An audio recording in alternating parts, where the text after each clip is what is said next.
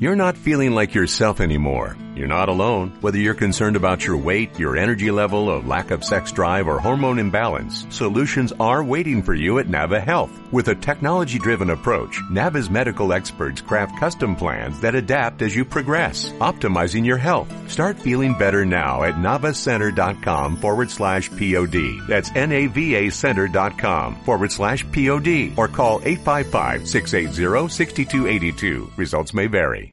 Hola i benvinguts a l'especial del grec 2016 de recomana.cat. Especial grec de recomana.cat.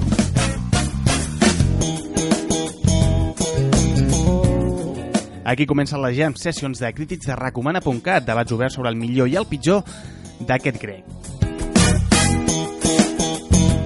Avui amb Ramon Oliver de Què fem i Carmen del Val del País intervindrà també Juan Carlos Olivares del País i el Tema al Barcelona i Montse Utzet de Recomana. Qui us parla?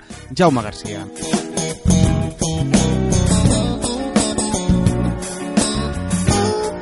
Avui recollim part de la Jam Session que vam gaudir el passat 23 de juliol al Mercat de les Flors, on vam fer un repàs, diguem que vam fer l'últim repàs de dansa de la mà de Carmen del Val.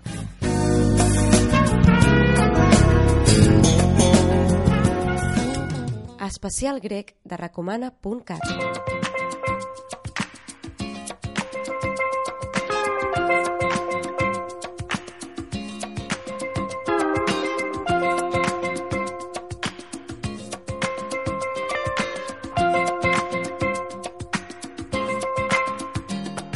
Obrim pàgina de, de dansa i abans m'has donat un titular, Carmen, que era fantàstico, que era... Ah, sí. Que era a, aquest any han sigut molt conservadors. Molts, eges... Ai, mo A, molts apropa't, espect- apropa't una miqueta més al micro, sí. sisplau. Molts espectacles de dansa, però poc risc. Per mi, eh? Clar, jo tinc la meva opinió. Per exemple, per mi, de gran format, el millor espectacle ha sigut el de Alonso King, i llavors mm, és una estètica que m'agrada, però també la trobo una mica passada de moda. Ja us vaig dir l'altra vegada que estem acostumats que aquí als espectacles de dansa pues ara ja, mm, sobretot centre-europeu, pues tenen un, un llenguatge més, mm, com diria jo, més violent, entren altres, altres com es diu, altres matèries, altres, mm, no sé, els vídeos, la música... Llavors m'ha semblat una mica com el Quibus. Era una miqueta de la mateixa línia, l'Alonso King, com el Quibus. I llavors, de gran format, sí que és veritat que els bailarins eren fantàstics, que emocionaven, i sobretot l'última coreografia, que era, la música era d'un senyor que havia anat escoltant els sorolls de la naturalesa, llavors les bailarines es tornaven com unes aves tancudes, i, i els homes sí, també es tornaven felinos, i això realment era impactant, però ho vaig trobar una miqueta conservador. Llavors, de tot el que he vist, de gran format, és el que m'ha agradat més. De petit format, el que m'ha agradat més, que ja ho vam comentar la setmana passada, va ser el Sergi Labert, que ha fet un, un tom i s'ha reinventat per continuar... Ah, La setmana passada no vam poder comentar el Sergi Alabert, i ho dic perquè fa Sí, dues setmanes sí que ho vam comentar, fa dues, Ah, setma fa dues setmanes, perdona, però me'n me'n recordo perquè justament el Jordi Sora volia parlar del Sergi Alabert i parlant d'altres coses al final no vam poder tocar el tema del Sergi Alabert, però també la volia destacar perquè li va semblar com molt interessant. Sí, sí, per mi és, és un dels millors espectacles que hi ha hagut. A veure, perquè la Montse Utzet... Eh, bé, tu també em sembla que vas defensar el Sergi Alabert, que t'havia agradat o no l'havies vist llavors? Sí, sí, sí, que l'havia vist. Sí, l'havies vist i també t'havia agradat m'agrada molt. Però ara jo que estic aquí com a públic m'agradaria fer una pregunta a Carme del Val quan ha dit que no hi havia, a la dansa no hi havia espectacles de risc. Realment, sí, que té part de raó, no? Però jo penso què més risc que ser Gelabert Ah, sí, parlar sí, sí. amb una, amb una escena, no? Amb un espectacle de dansa. Nosaltres hem vist molts ballarins parlant i realment ha sigut bastant desastre en general però el CES, jo em vaig parlar, em va agradar molt l'espectacle, entrar al món aquest eh, surrealista, al món de brossa, de foix, és un impacte i un repte molt per ell. Llavors, clar, ella diu, no, ja, d'això, no, Bueno, amb això no estic d'acord i no sé si vull crear una mica de polèmica, però jo crec que, és, que hi ha general, molt A risc. part del CES, que és l'únic que jo també vaig dir l'altre dia, que els millors espectacles serà el de l'Alonso King, eh, de gran format però de petit, seguríssim, que és el Sergi Labert, és perquè tot el rato està recitant, és que no para i ballant, que això per un intèrpret és molt difícil, no? I llavors eh, tot és com modern, eh, fresc, àgil. A mi fins ara és l'espectacle que m'ha agradat més. Jo lamentablement no he vist l'espectacle de Gelabert, que espero que el pugui recuperar, però trobat, vas trobar una persona de, de crítica teatral que em va dir «Ser Gelabert és tan bon actor com Lluís Omar, però sense la seva cantadela». Ah, sí? O sigui, que és millor. Tu l'has vist, Olivares? Vas veure... Ah, També doncs, confio moltíssim que algú tingui la bona idea de programar-lo en temporada. sí, sí, segur que sí. Uh, per tancar... Ah, el que sí, sí. sí. si em deixes un moment, que I tant. només per acabar de comentar el que comentaves tu, jo estic bastant d'acord amb el que tu dius del que jo he vist de dansa. A mi el d'Alonso em va agradar molt, molt, eh, també en gran part perquè Kibbutz m'havia decebut molt Sí. la setmana anterior. Eh, crec que, que tens molta raó que en que la qualsevol cas línia, la línia és és una conservadora. línia que ja fa anys ja ho vèiem. Per exemple, fa anys va vindre el Jean Fabre aquí, no sé si us en recordeu. Oh, i tant. Llavors, va- tots ballàvem molt bé, però el muntatge era és que no em surt en català, rompedor, tota una sèrie d'elements escènics i unes coses que, que surts, que estàs dos o tres dies que et va vinguent a, a l'espectacle al cap, que això és la idea, no?, una mica que els espectacles eh, t'arribin. Llavors sí, el Quibu està molt bé i ballen superbé, però que els hi faltava una mica de risc. També estem molt acostumats al Mercat de les Flors, per mi fa una programació que ens porta a l'escena europea. Potser, potser és això, no? Vull dir que també, Estem acostumats. però vull dir que també es mereix un I espai. ara inclús per l'ADA, el festival, ha portat una companyia que és una mica com l'Alonso King, com el Kibu, saps que no, no han tingut risc per, per, per, per circumstàncies, per gires, pel que sigui. Et Bueno, jo volia dir una cosa. Sí, però apropa't al micro, si us plau, que Ah. si no no et sentirem bé. Sí, és que tinc una veu terrible. No. que, que, bueno, i que jo aquesta setmana el que he vist de dansa és la Mar Gómez. Vale. L'ha vist algú? Què tal? Jo no, no. Sí, bueno, jo he de dir, he trobat a faltar que ella no balli, realment, perquè a mi m'agrada com balla ella, té el sentit de l'humor, però llavors han, han ido más lejos, no? Són quatre homes i el que fa gràcia és que són quatre ballarins de diferents generacions. No? Hi ha l'Àlvaro de la Penya, que és un ballarí ja de tota la vida, que estava a l'Anònima Imperial, i, que és molt conegut. Després hi ha el Carlos Fernández, eh, després hi ha... Espera que m'ho miro bé. El Javier Martínez, que és el company de la, de la Mar Gómez, i després un noi jove que es diu Matías Marre. I està bé perquè és, si quan et mors arribes al cel o al més allà i et trobes amb les mateixes angoixes i amb els mateixos patiments. I a sobre, si sent home tornes dona. Llavors, és divertit, hi ha alguns gangs que per mi són una mica vulgars però que si ho arreglen, però passes un bon rato, després la banda sonora va molt bé perquè és mm, cançons molt conegudes i que és, ho passes bé. Trobo que, i que ella fa una mica un canvi de registre. El vocabulari coreogràfic realment és molt bo i ells ballen, tenen una puesta a punto fantàstica. A mi m'ha agradat. Amb alguna Sa- sa- salvetat. Sabeu si aquest espectacle caurà en alguna altra sala?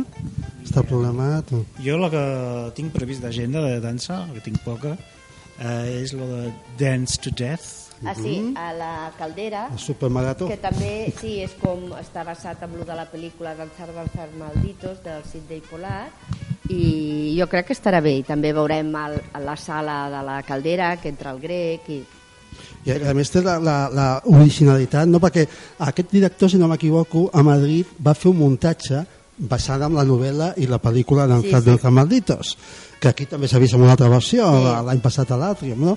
però en aquesta versió, si no m'equivoco, em sembla que els protagonistes seran gent de dansa i de teatre que està a l'atur.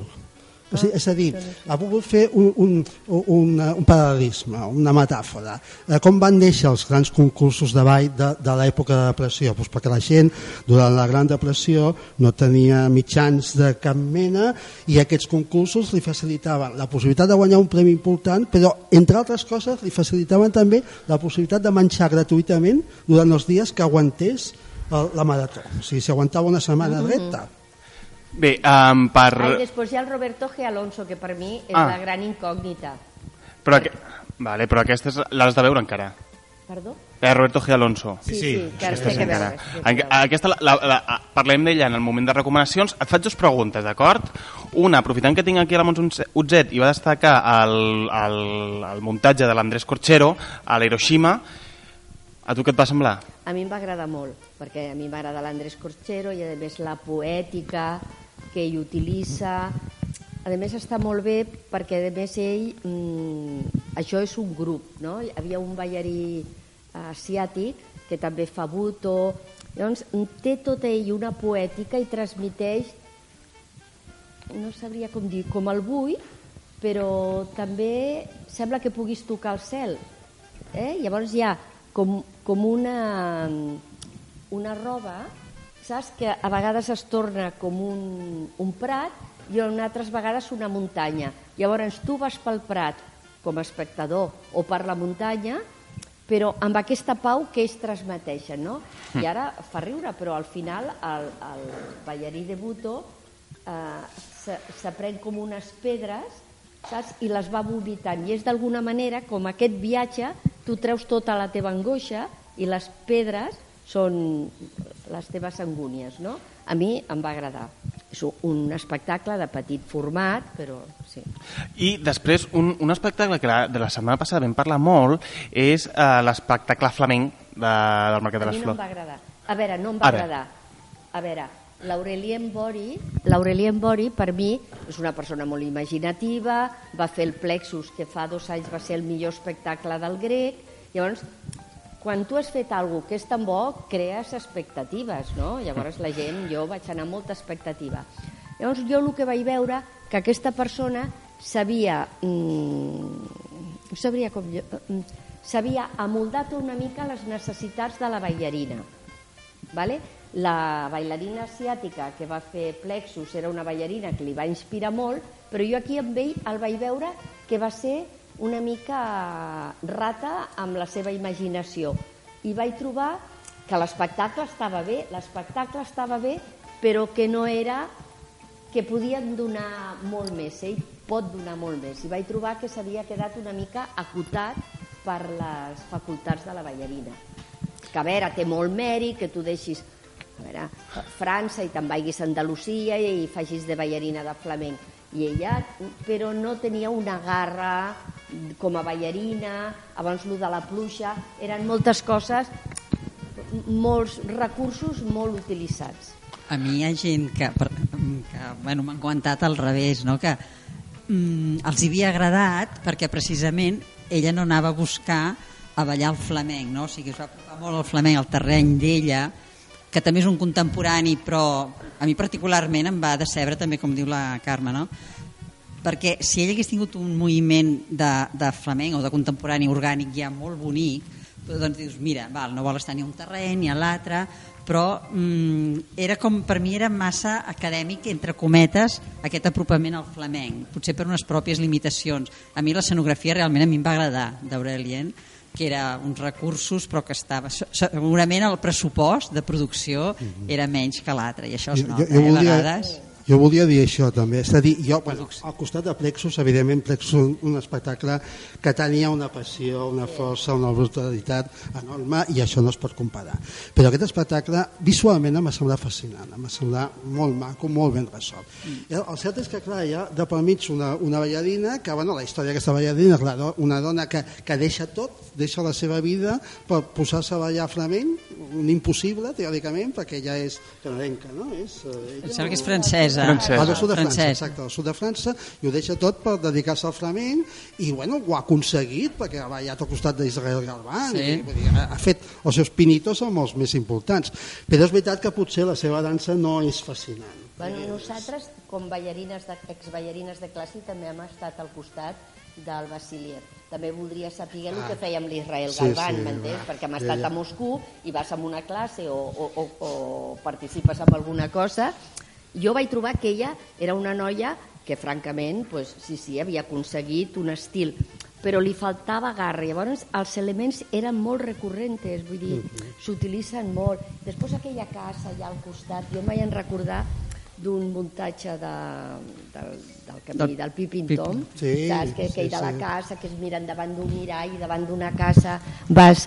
Mm, Vaig trobar que ell en un moment tenia que fer alguna cosa que ella l'haurà pagat, llavors agafa d'aquí i d'allà. Això em va semblar a mi, eh? però que, no, que no, no li vaig fer una mala crítica, em va agradar, però mm, crec que va ser tacanyo amb El- la el- seva imaginació. El curiós és que aquest espectacle serviria també per corroborar que aquest ha sigut el grec més aquàtic de la història. Si tenim en compte la quantitat de això ho vam comentar la setmana passada també. la, la força oculta, i després l'empastat, i després aquest, entre els tres són un festival aquàtic.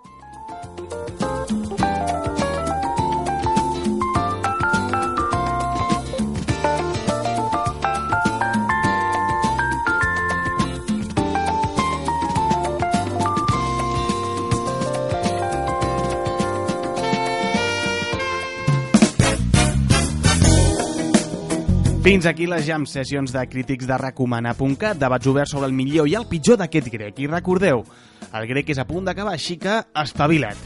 Fins aleshores, salutacions de qui us ha parlat.